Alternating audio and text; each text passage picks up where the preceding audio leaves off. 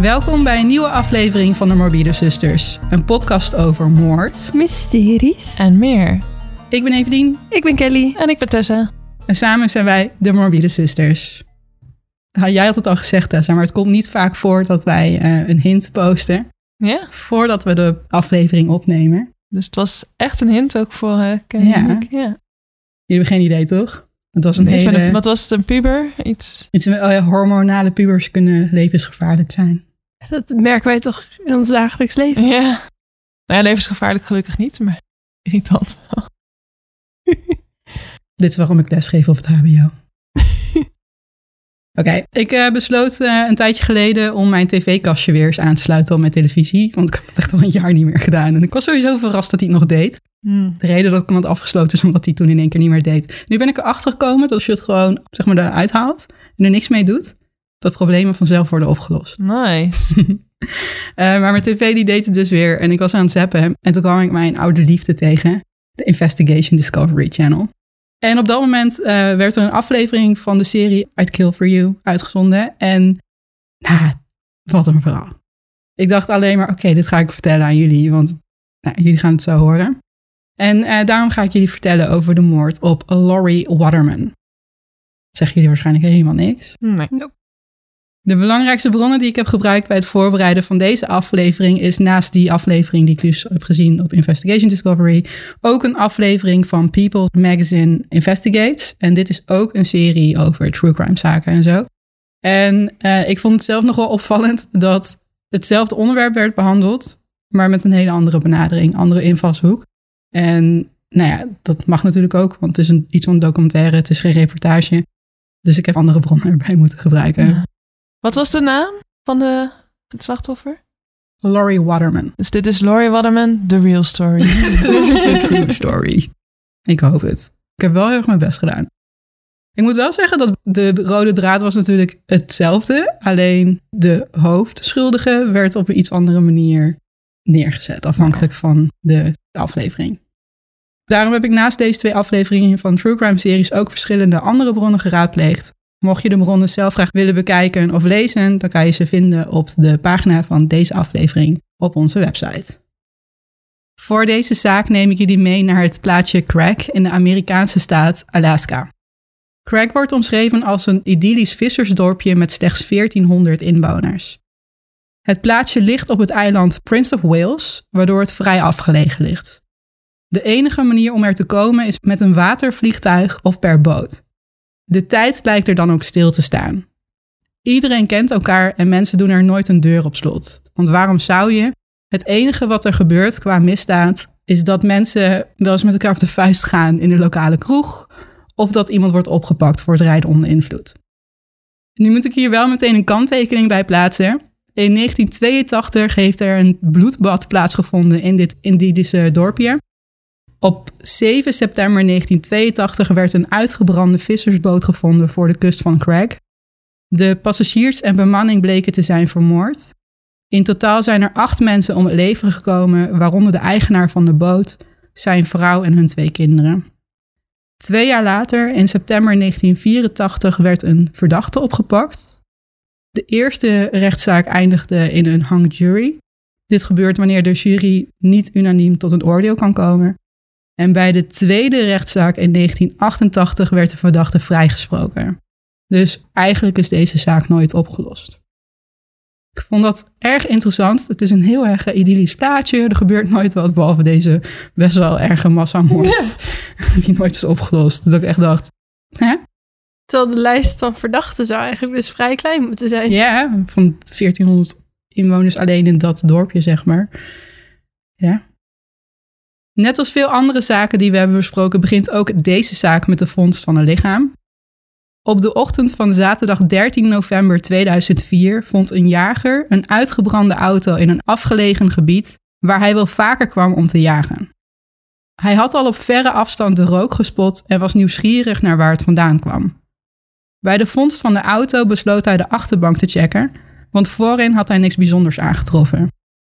Op de achterbank trof hij een schedel aan, waarvan hij dacht dat het van een mens was. Geschrokken nam hij meteen contact op met de lokale politie. Het eiland had maar twee state troopers, die zo snel mogelijk op de vondst afkwamen. Een van deze state troopers was Bob Claus. Not related to. Oh. Bob concludeerde al snel dat het om een homicide ging, moord dus. Het gevonden stoffelijk overschot kon niet door de lokale politie worden geïdentificeerd. Door de brand was het onherkenbaar en moesten daarom naar experts in Anchorage worden gevlogen. Bob had al een vermoeden. Hij herkende namelijk de auto van de vrouw van een goede vriend. En dat was de auto van Laurie Waterman. Omdat Craig een klein dorpje was waar iedereen elkaar kende, kende iedereen de familie Waterman. Dit was één van de vooraanstaande families die in Craig woonden. Aan het hoofd van de familie stond de 60-jarige Carl, en dan nickname Doc Waterman. Een Vietnam-veteraan die werkzaam was als makelaar. Het huis van het gezin was ontzettend mooi en ontworpen en gebouwd door Doc zelf. En hij was een behoorlijk succesvolle makelaar. Alle huizen in Craig werden via hem verkocht. Daarnaast was hij ook, en ik vond dit erg Amerikaans, de president of the school board. en ik heb me hier nooit echt in verdiept wat een school board in de Verenigde Staten nou precies inhoudt. Maar wat ik wel weet is dat het een stapje verder gaat dan de oude raad. Ja. Doc was getrouwd met de 48-jarige Laurie. Laurie was onderwijsassistent in het speciaal onderwijs. Ja, maar dat is toch wel een leeftijdsverschil, of niet? Zeker. Ze was erg geliefd en wordt omschreven als vriendelijk en behulpzaam. Ze deed erg veel voor de lokale gemeenschap en had dan ook veel vrienden. Laurie groeide op in een Italiaans gezin en was katholiek opgevoed. Hierdoor was ze erg betrokken bij de kerk, waar ze dan ook regelmatig heen ging. Doc en Laurie hebben twee kinderen. Een zoon die vanwege zijn studie niet meer thuis woonde en die echt nergens werd genoemd. Ik kwam er pas achter dat ze ook nog een zoon hadden nadat ik het boek had gelezen. Nou, een paar pagina's van het boek had gelezen. Oh, nergens genoemd. Irrelevant. Ja, Maar wel sneu. Of zou het bewustzijn geweest? Ja, misschien wel. Ja. Misschien ook voor zijn anonimiteit of zo. ja. Want de focus ligt behoorlijk eh, op hun 16-jarige dochter Rachel. Vandaar de hint. vast nog achter. Rachel was intelligent en schijnbaar getalenteerd. Ze wordt omschreven als een voorbeeldige leerling die hoge cijfers haalde. Ze was een vrij typische Amerikaanse tiener. Ze speelde volleybal en ze zong in een koor. En net als veel andere tieners die opgroeien in een klein dorp, had ook Rachel een enorme hekel aan het leven in Craig.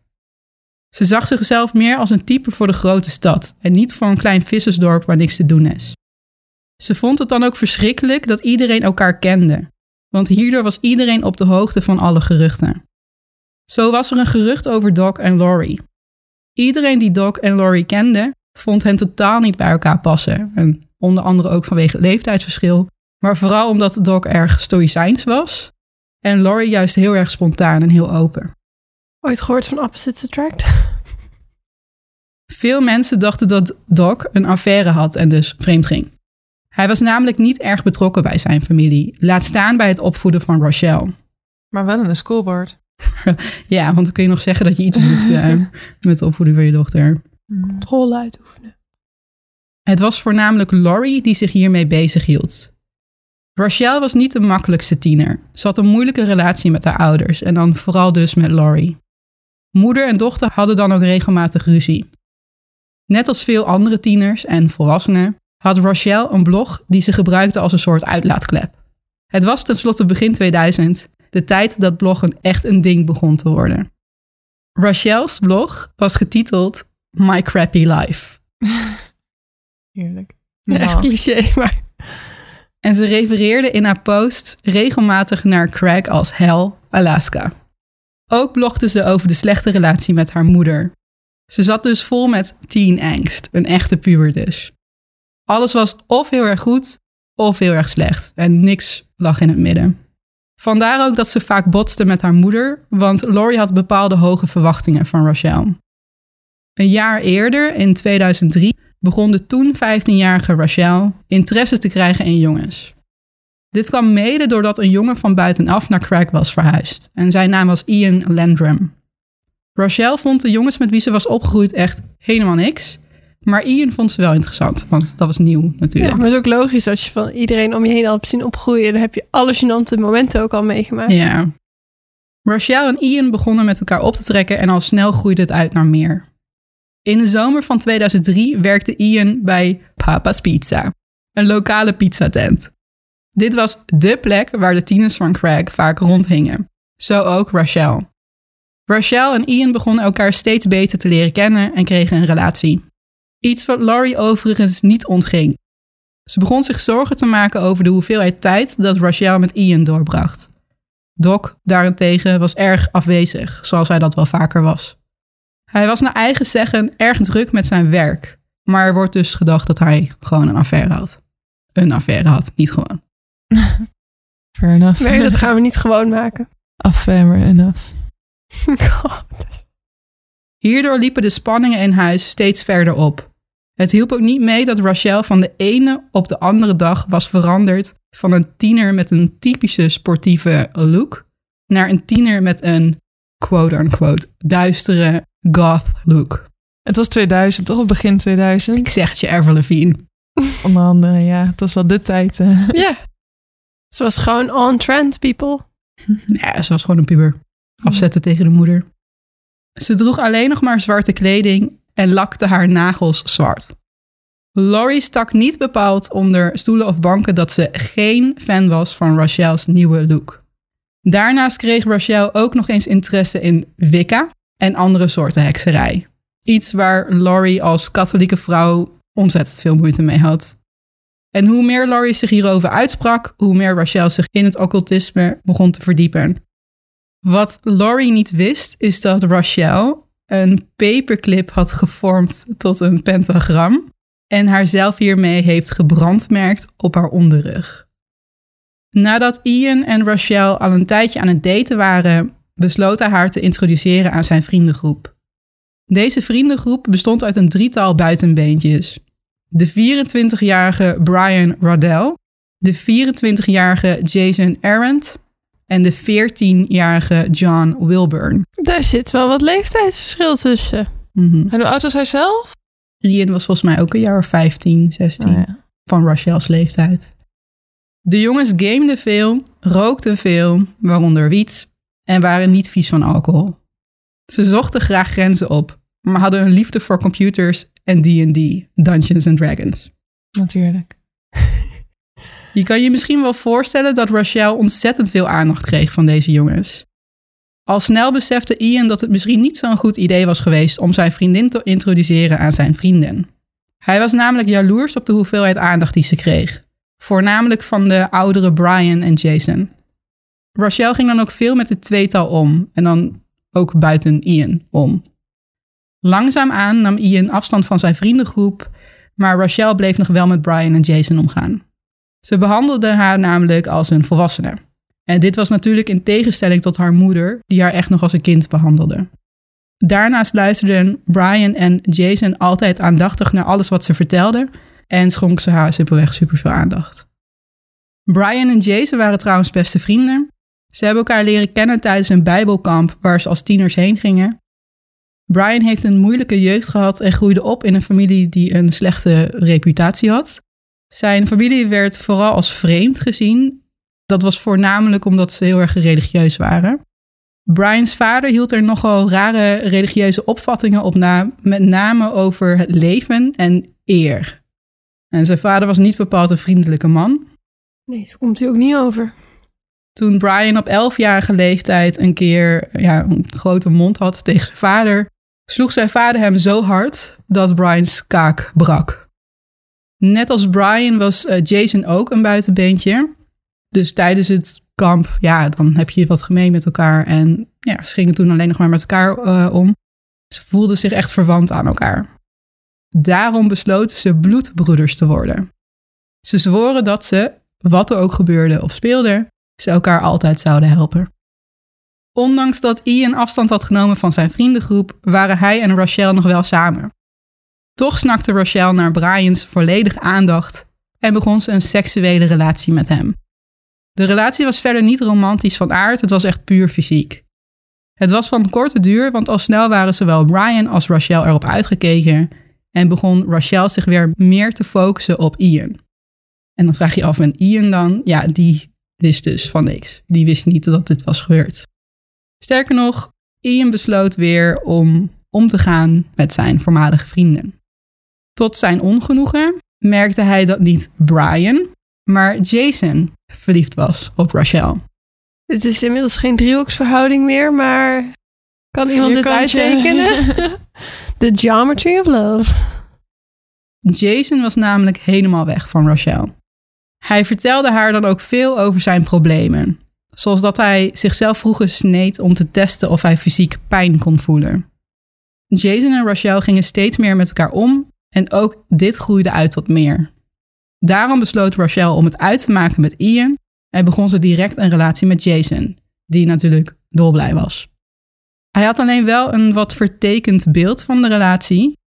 Hij zag zichzelf namelijk als een soort van prins op het witte paard en dan specifiek eh, de prins die de prinses komt redden. Hashtag nice guys. In zijn ogen was de relatie ontzettend romantisch en zelfs sprookjesachtig. Ondertussen begon Laurie zich steeds meer zorgen te maken om Rachel. Ze had het idee dat Rachel's sociale leven haar toekomst in de weg stond. Ze haalde namelijk niet meer de hoge cijfers op school die Laurie gewend was. In plaats van straight A's haalde ze nu B's, dus zesjes of zevens in plaats van achten of hoger. En toen Laurie erachter kwam dat Rachel een relatie had met Jason, liep de spanning tussen moeder en dochter alleen nog maar meer op. Jason had namelijk niet echt een toekomstperspectief. Hij woonde in de kelder van zijn ouders, rookte veel wiet en was werkzaam als conciërge op de lokale high school. En dit is de school waar Rachel heen ging. Oeh, dat is shady. Het is wel echt inderdaad een beetje een clichébeeld. Laurie wilde het beste voor haar dochter, dus ook als het om vriendjes ging. En ze was daarom bang dat Rachel haar toekomst weggooide met Jason. Het is inmiddels de zomer van 2004. Waar Rachel vorig jaar de hele zomer rondhing bij de lokale pizzatent, was ze deze zomer werkzaam bij de computerzaak waar Brian ook werkte. Natuurlijk was Jason hier ook veel te vinden. Het drietal bracht dan ook de hele zomer veel tijd met elkaar door. Rachel vertelde de jongens regelmatig over haar problemen met haar moeder. Ik vertelde net toch dat Jason zichzelf zag als een reddende engel. Dat komt waarschijnlijk ook door wat Rachel over haar gezinsleven heeft verteld. Rachel vertelde namelijk regelmatig over hoe haar moeder haar mishandelde.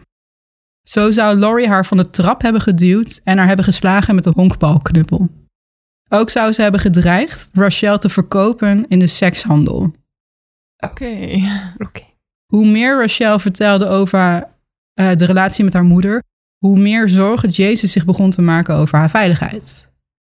Aan het einde van de zomer brak natuurlijk het nieuwe schooljaar aan. Rachel zat nu in haar junior year en besloot zich weer wat meer op school te focussen. Daarnaast was ze ook erg druk met volleybal, waardoor ze steeds minder tijd had voor Jason. Ze glipte daarom s'nachts uit huis om hem op te zoeken. Laurie had dit natuurlijk al vrij snel door, want Laurie is natuurlijk ook niet achterlijk, maar wist inmiddels niet wat ze met Rachel aan moest. Niks wat ze deed leek te helpen. Ze had al een tijdje door dat het geen nut had om telkens weerstand te bieden en ze had zelfs Jason uitgenodigd om bij hen thuis te komen eten. Maar ook toenadering zoeken hielp niet. Ondertussen was ook Jason bang dat hij Rachel kwijtraakte, want die had tenslotte steeds minder tijd voor hem.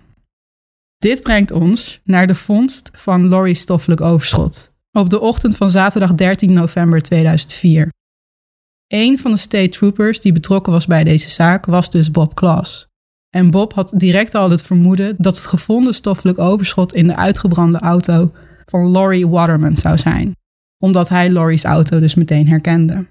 Bob was namelijk goed bevriend met de familie Waterman. Nadat experts in Anchorage hadden bevestigd dat de gevonden schedel inderdaad van Laurie Waterman was, moest Bob zijn goede vriend Doc inlichten over de dood van diens vrouw. Nu lijkt me dat sowieso heel erg lastig, ook als het de vreemde is, maar al helemaal als het iemand is die eh, je dichtbij staat. Alleen Bob zat met nog iets. Zoals jullie weten is het vaak de partner of ex-partner die de moord heeft gepleegd. En Bob was op de hoogte van de geruchten dat Doc een affaire zou hebben. Dus Bob moest overwegen of zijn goede vriend niet achter de moord op Laurie zat. Op vrijdag 12 november gingen zowel Doc als Rachel voor een paar dagen weg, waardoor Laurie dat weekend alleen thuis was. Doc was op zakenreis naar Juneau, zo'n 800 kilometer van Craig vandaan. En Rachel had een volleybaltoernooi in Anchorage. Pas toen ze op zondag 14 november rond drie uur 's middags thuis kwamen, kwamen ze erachter dat Laurie vermist was. Ze zagen dat Laurie's auto niet geparkeerd stond op de plek waar het normaal stond en ze dachten daarom dat ze misschien even boodschappen aan het doen was. Pas toen ze naar binnen gingen, begonnen ze door te krijgen dat er misschien meer aan de hand was.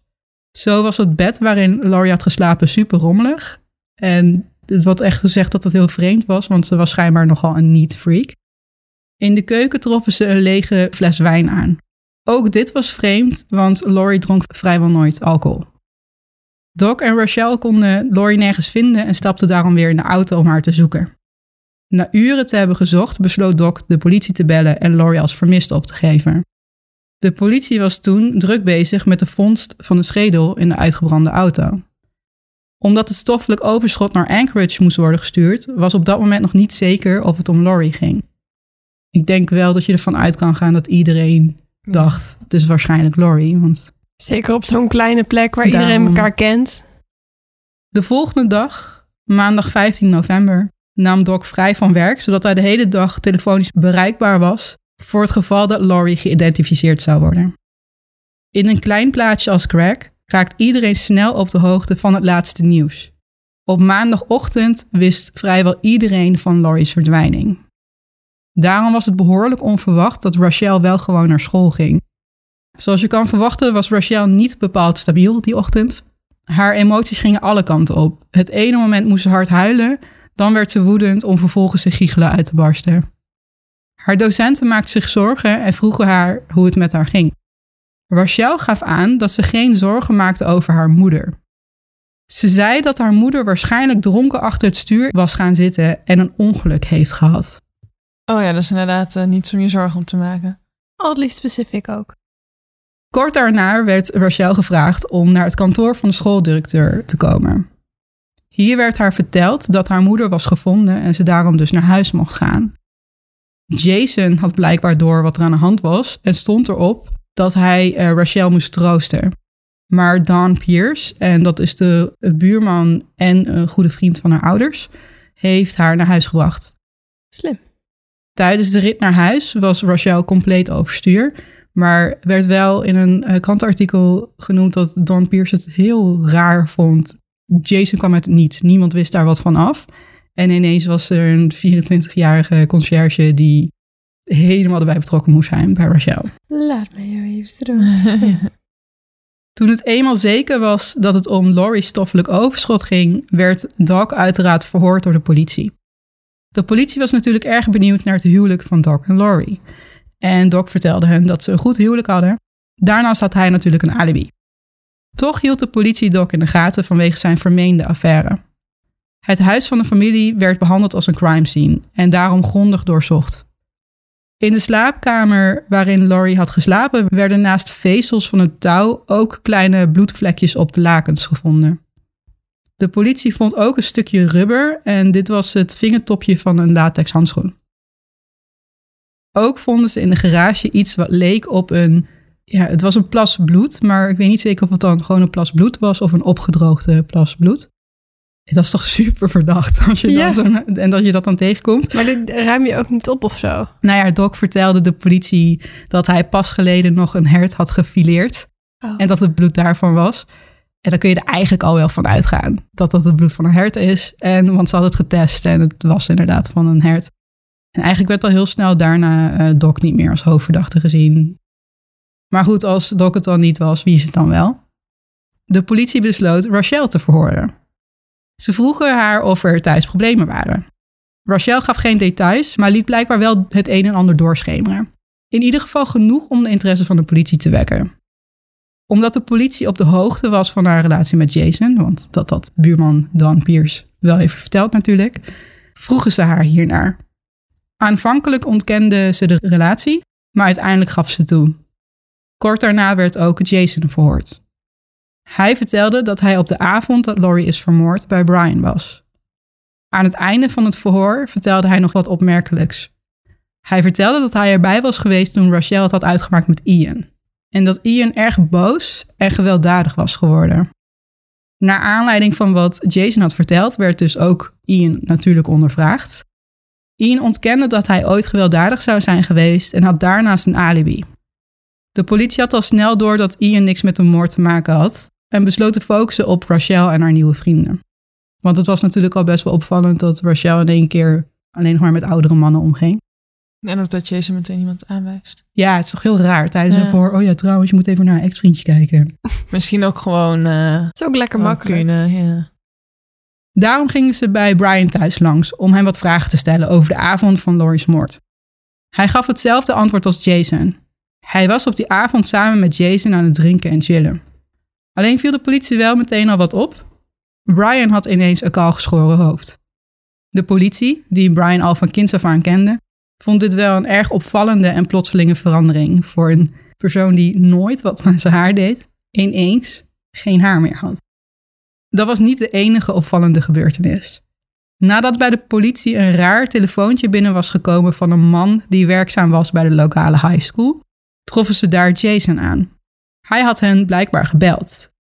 Jason was doodsbang en claimde dat iemand hem van achteren had aangevallen, een mes op zijn keel had gezet en had gezegd dat hij uit de buurt van Rachel moest blijven. De politie vond Jason vooral niet erg geloofwaardig en er waren ook geen ooggetuigen die het konden bevestigen. Ze begonnen zich af te vragen wat Jason te verbergen had, want waarom zou hij zo'n ongeloofwaardig verhaal ophangen? Uiteraard werd Jason opnieuw verhoord. Al snel bekende hij dat hij had gelogen over het voorval en dat hij bang was dat de politie hem zou beschuldigen van een moord op Laurie. Naar eigen zeggen had hij daar niks mee te maken. Hij vertelde dat hij rond de tijd van Laurie's moord Brian heeft opgehaald in de buurt van waar Laurie's stoffelijk overschot is gevonden. Laurie was toen al dood. Met deze verklaring plaatste Jason zichzelf in de buurt van het plaatsdelict, of in elk geval de plaats waar het stoffelijk overschot is gevonden, en insinueerde hij dat Brian achter de moord zat. De politie besloot om hun voordeel hiermee te doen en ze vroegen Jason of hij een wire, afluisterapparatuur, op zich wilde dragen en een bekentenis bij Brian kon uitlokken. Al de volgende dag had Jason met Brian afgesproken en deze ontmoeting is dus opgenomen. Tijdens de ontmoeting vertelde Brian dat als de politie Jason probeert te beschuldigen van een moord, hij wel zal bekennen. En ik heb hier als opmerking opgeschreven, ze waren tenslotte bloedbroeders. Uiteraard was dit aanleiding genoeg voor de politie om Brian op te pakken. Al vrij snel vertelde Brian wat er volgens hem was gebeurd. Ter voorbereiding had hij zijn hoofd kaal geschoren om geen haren achter te laten. Met touw en ducttape op zak brak hij in bij het huis van de familie Waterman. In een slaapkamer boven trof hij een slapende Laurie aan. Hij heeft haar wakker gemaakt, vastgebonden en geforceerd een fles wijn leeg te drinken. Hij was namelijk van plan het te laten lijken alsof Laurie een auto-ongeluk had gehad, terwijl ze dronken achter het stuur zat. Toen hij Laurie mee naar beneden sleurde, zag hij dat een van de vingertoppen van zijn latex handschoen ontbrak. Uh, moest hij van plan veranderen, want het was te grote kans dat ze dat zouden vinden. En, nou. Hij heeft haar in haar eigen auto geplaatst en is vervolgens naar de locatie gereden waar hij haar heeft vermoord en haar auto in een brand heeft gestoken. Daarna heeft hij Jason gebeld en gevraagd of hij hem op kon halen. En dat zou alles zijn wat Jason wist. State Trooper Bob Klaus geloofde hier geen bal van. Of ja, wel dat dit was gebeurd, maar niet dat dat alles zou zijn wat Jason wist. Want hij was er echt van overtuigd dat uh, Brian hulp had gehad. Dat hij dus niet in zijn eentje had gedaan. De politie had inmiddels genoeg bewijs verzameld om ook Jason op te pakken voor de moord. Al snel bekende ook Jason en hij claimde dat ze de moord hebben gepleegd om Rachel te beschermen. Rachel had hem tenslotte al maanden de meest verschrikkelijke verhalen over Laurie verteld. Rachel werd daarom opnieuw verhoord. Dit keer vertelde ze over hoe haar moeder zou hebben gedreigd met, quote, selling me for prostitution as punishment, einde quote, haar van de trap had geduwd en haar had geslagen met onder andere een honkbalknuppel. Ze vertelde ook dat haar vader niks wist van de mishandeling, omdat ze hem niks durfde te vertellen uit angst dat hij haar niet zou geloven. Al snel kwam de politie erachter dat Rachel regelmatig heeft geblogd over het vermeend misbruik en dat ze er meerdere vrienden over heeft verteld. Haar vrienden hebben het alleen nooit echt serieus genomen, want ze hadden het idee dat Rachel nogal ja, overdreef zoals tieners dat dus wel vaker doen. En de enige vrienden die haar serieus hebben genomen zijn Brian en Jason. En dan nog een side note, maar er wordt dus gedacht dat zij het serieus hebben genomen gezien hun eigen jeugd. De politie had het idee dat Brian en Jason zijn gemanipuleerd door Rachel, maar volgens het tweetal wist zij niks van hun plan om Laurie te vermoorden. Daarom was het opvallend dat John Wilburn, die bevriend was met het drietal, de politie heeft verteld dat hij op maandagochtend van Rachel had gehoord dat haar moeder was omgekomen bij een auto-ongeluk. En dit was nog voor het bekend was dat het gevonden stoffelijk overschot in de uitgebrande auto van Laurie was. Uiteraard confronteerde de politie Rachel hiermee. Waarom dacht ze dat haar moeder was omgekomen bij een auto-ongeluk toen er nog niks bekend was? Rachel's verklaring hiervoor was dat ze dat dacht vanwege de lege fles wijn die zij en haar vader hadden aangetroffen bij thuiskomst de dag ervoor, dus de dag voordat ze die uitspraak heeft gedaan op school. Omdat de politie geen bewijs had voor Rachel's betrokkenheid bij de moord op haar moeder, besloten ze Jason onder druk te zetten. Jason vertelde hoe in de maanden voor de moord Rachel hem begon te verleiden en manipuleren. Door de verschrikkelijke verhalen over haar moeder werd hij meegesleurd in het moordcomplot, maar hij had hulp nodig. Hij benaderde daarom zijn bloedbroeder Brian. Brian wilde in eerste instantie niet helpen, maar Jason stond erop dat Rachel's leven in gevaar was. Brian ging overstag en al snel begonnen de twee mannen te brainstormen over hoe ze Laurie zouden vermoorden. Door haar in een plastic tas te stoppen en dit te vullen met cement om het vervolgens in de zee te gooien, iets met explosieven, door een sluipschutter of door een in gezet auto-ongeluk onder invloed van alcohol. Ook vertelde Jason dat Rachel meer wist dan ze claimde. Ze was namelijk op de hoogte van een eerdere poging om Laurie te vermoorden. Tijdens een telefoongesprek had Jason Rachel verteld dat hij Brian op pad had gestuurd om haar moeder dood te schieten. Rachel heeft toen gezegd dat ze dat niet wilde en vroeg hem Brian te stoppen. Alleen Brian was al op pad. Hij wist namelijk dat Laurie altijd Rachel ophaalde van haar volleybaltraining en hij wachtte haar daarom op bij de school. Maar omdat hij een onderdeel van zijn jachtgeweer was vergeten, kon hij toen zijn plan niet voortzetten. Na dit incident heeft Rachel wat afstand genomen van Jason. Hierdoor schoot Jason in de stress en bleef hij Brian vertellen over hoe Rachel's leven in gevaar was.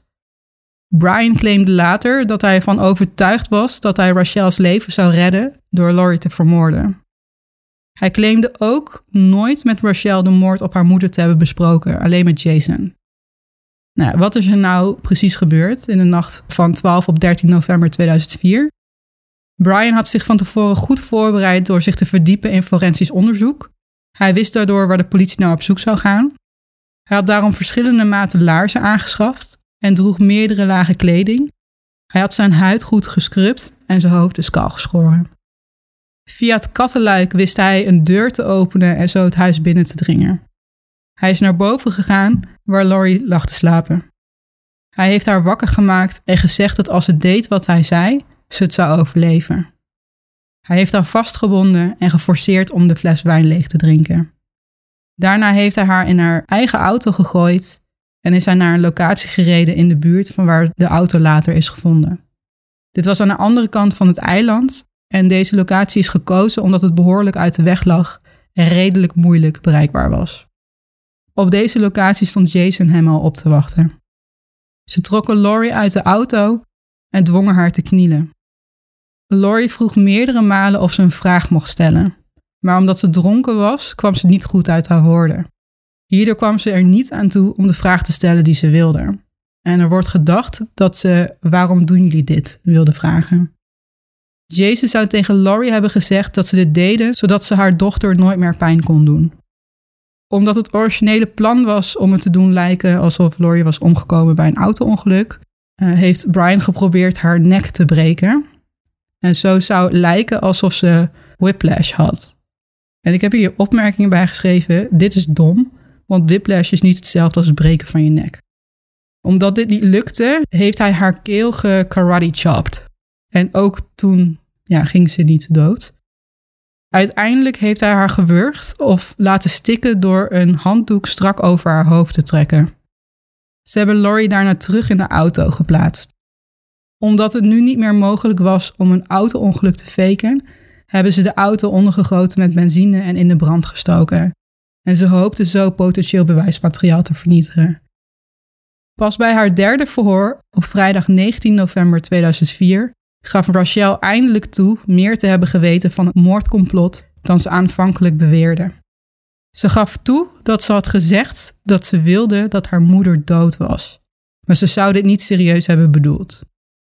Daarna zou moord niet het eerste zijn geweest waar ze op zijn gekomen voor haar probleem met haar moeder, maar dat toen het eenmaal werd besproken, ze zou hebben gereageerd met: Well, yes, let's do it. Ook heeft ze Jason tussen neus en lippen door verteld dat zij en haar vader het weekend van 12 november weg zouden zijn. Ze wist vrij zeker dat het moordcomplot dat weekend zou worden uitgevoerd, maar ze heeft niemand ervan op de hoogte gebracht.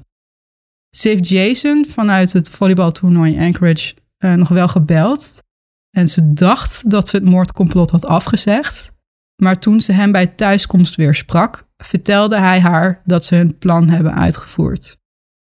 Tijdens dit verhoor gaf Rachel ook toe dat ze de verhalen over de mishandeling door haar moeder heeft aangedikt en dus had overdreven. Op de dag voor haar verhoor, donderdag 18 november 2004, heeft Rachel het volgende gepost op haar blog. Just to let everyone know, my mother was murdered. I won't have computer access until the weekend. The police took the computer to go through the hard drive. I thank everyone for their thoughts and emails. I hope to talk to you when I get my computer back. Dit was haar laatste blogpost waarin ze iedereen dus liet weten dat haar moeder was vermoord en dat haar computer in beslag is genomen door de politie. Super droog, Ja. vinden jullie ook niet? Ja, zakelijk. Tijdens de rechtszaak veranderde Rachel van verhaal. Ze pleitte onschuldig te zijn en claimde dat Jason een obsessief vriendje was die haar onschuldige opmerkingen totaal heeft verdraaid.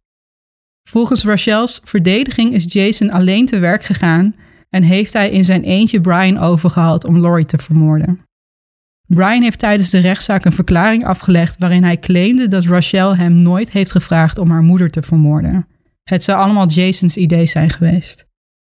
Volgens Brian wilde Jason ook Rachel's ex-vriendje Ian en haar vader vermoorden, maar vond Brian dit niet nodig. Nou, nee, is niet nodig. Laat maar. Jason legde een verklaring af waarin hij claimde dat Rachel tegen hem heeft gezegd dat het beter zou zijn als haar moeder er niet meer was en dus dood was. Brian en Jason hebben beide schuldig gepleit en zijn berecht voor de moord op Laurie Waterman. Brian Radell werd veroordeeld tot een gevangenisstraf van 99 jaar en Jason Arendt werd veroordeeld tot een gevangenisstraf van 50 jaar. Geheel onverwachts werd Rachel vrijgesproken Oh. Omdat de jury niet unaniem tot een oordeel kon komen, dus er was sprake van een hung jury. Volgens de rechter heeft de politie Rachel onder druk gezet bij op zijn minst een deel van haar bekentenis, waardoor dit belangrijke bewijsstuk niet mocht worden gebruikt in de rechtszaak. De nieuwe rechtszaak vond plaats in 2011. Hierbij werd Rachel niet schuldig bevonden van moord, maar wel van dood door nalatigheid. Ze kreeg hiervoor een gevangenisstraf van drie jaar opgelegd. Ook Doc Waterman was ervan overtuigd dat de politie Rachel heeft zitten sturen tijdens haar bekentenis. Het verhoor heeft plaatsgevonden zonder Doc's goedkeuring, want ze was tenslotte minderjarig, en er was ook geen advocaat bij aanwezig. Echter was hij zich wel bewust van wat Rachel heeft gezegd in haar bekentenis. Hij zag in dat ze van het moordcomplot heeft geweten en te weinig heeft gedaan om het te stoppen. Toch legde hij de schuld niet bij zijn dochter neer, want hij denkt dat zij als 16-jarige misschien niet door heeft gehad hoe ernstig het allemaal was. Volgens Doc was Brian degene die achter het moordcomplot zat. Doc heeft trouwens altijd ontkend dat Rachel is mishandeld door Laurie. Ook de buren en goede vrienden van Doc en Laurie, en dat is dus Don Pierce die we al eerder voorbij horen komen, en zijn vrouw Lorraine, konden zich totaal niet vinden in wat Rachel schreef over haar leven in haar blogs. Ze waren zich wel bewust van de spanning tussen Laurie en Rachel, maar vonden hier niks ongewoons aan, want ja, Rachel was een puber die flink aan het puberen was. Volgens Lorraine was Laurie een fantastische moeder die gewoon haar werk deed: opvoeden. Rachel is in 2015 in hoger beroep gegaan tegen haar veroordeling in Laurie's dood, op basis van dat een 16-jarige niet berecht zou mogen worden als een volwassene. De Alaska Court of Appeals heeft haar hoger beroep geweigerd, omdat in de wet van de staat Alaska staat dat verdachten vanaf 16 jaar hetzelfde mogen worden behandeld als volwassenen in het geval van ernstige misdrijven, waaronder uiteraard moord. Rachel is inmiddels alweer jaren op vrije voeten en het schijnt dat ze of weer is begonnen met bloggen, of dat ze haar oude blog nieuw leven heeft ingeblazen. Ze heeft dit jaar, in 2021, zelfs nog nieuwe posts geplaatst. Ik moet hier even wat dingen over vertellen, want ik Ja, was ben natuurlijk ook wel benieuwd. Ja? ik was natuurlijk best wel benieuwd eh, of ik haar blog kon vinden. En dit heb ik ook uit een artikel wat over haar is geschreven van hoe gaat het nu met haar. En die schreven dat uit haar blog is op te maken dat ze tegenwoordig gevestigd is in de Amerikaanse staat Florida. Of all places. Of all places. En ehm, ik ben dus gaan zoeken. Ik ben een blog tegengekomen waarvan ik denk dat die van haar zou kunnen zijn. En als het de blog is waarvan ik denk dat het die van haar is, kan ik alleen maar concluderen dat ze een wappie is. Oké. Ja, ze Qua corona of ook. qua alles. Ik heb het, ergens nog het idee dat zij nog wel eens een QAnon zou kunnen geloven. Laat ik het zo zeggen. Dat, heb ik, dat kon ik er niet concreet uithalen, maar Vermoedens. Donkerbruin. als ze daar nu nog niet in gelooft, ko- komt ze daar misschien nog wel. Ja, echt. eh, Dus nou ja, zoek maar eens op Rachel Waterman blog. Maar ik zou niet durven zeggen dat niet het echt meer waar my is. crappy life. Nou, dat is dus het stomme. Dat stond dus wel ergens. Daarom dacht ik Oh, bijna van, het is haar, dat is zij dus niet. Want waarom Ja. zou ze... Nou, Nee. zoek het vooral op en ga het lezen. Ik wil dit verhaal afsluiten met een brief die Laurie vermoedelijk vlak voor haar dood heeft geschreven aan Rachel. Nadat Rachel was gearresteerd, ging Doc uiteraard, want het is heel logisch, op zoek naar antwoorden. En eh, hij vond deze brief toen hij haar kamer heeft doorzocht. In deze brief probeert Laurie het goed te maken met haar dochter. En ik heb hem weer vertaald naar het Nederlands. Mijn liefste dochter, het spijt me dat er een spanning is tussen ons. Denk alsjeblieft niet dat ik je een slecht persoon vind, want dat ben je niet. Ik weet dat ik me te veel zorgen om je maak, maar dat is nou eenmaal wat moeders doen als ze zoveel van hun dochter houden als ik van jou. Ik heb het gevoel dat er een afstand is tussen ons. Ik zou graag willen dat we hechter zijn en dat je me alles kan vertellen of dat we over van alles of nog wat kunnen praten. Ik wou dat je begreep hoeveel ik van je hou. Dat is toch echt super tragisch. Ja. Ja. Dat is echt een beetje naar. De aflevering van I'd Kill For You zet Rachel neer als de hoofdschuldige. En de aflevering van People's Magazine Investigates zet Jason neer als hoofdschuldige. En Doc Waterman ziet Brian als hoofdschuldige. Wie was volgens jullie het meeste brein achter dit moordcomplot? Ik denk niet Rachel, ook al denk ik dat die nalatigheid best wel eens zou kunnen kloppen.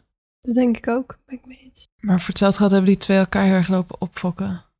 Het zijn toch bloedbroeders? Misschien waren ze gewoon even verantwoordelijk. Maar denken jullie dat ze dit hadden gedaan als ze Rachel ni- niet hadden gekend? Nee, oké. Nee. Maar dan kan je alsnog zeggen, dat doe ik niet. Nee, natuurlijk niet. Precies. Je bent knettergek als je Ja. denkt dat dit... eh, dan ga je toch eh, Child Protective Services of zo Ja. inlichten. Of Of je Er zijn confronteert een moeder, of ja. je loopt weg of iets. Maar dit is eh Ja. ga insane.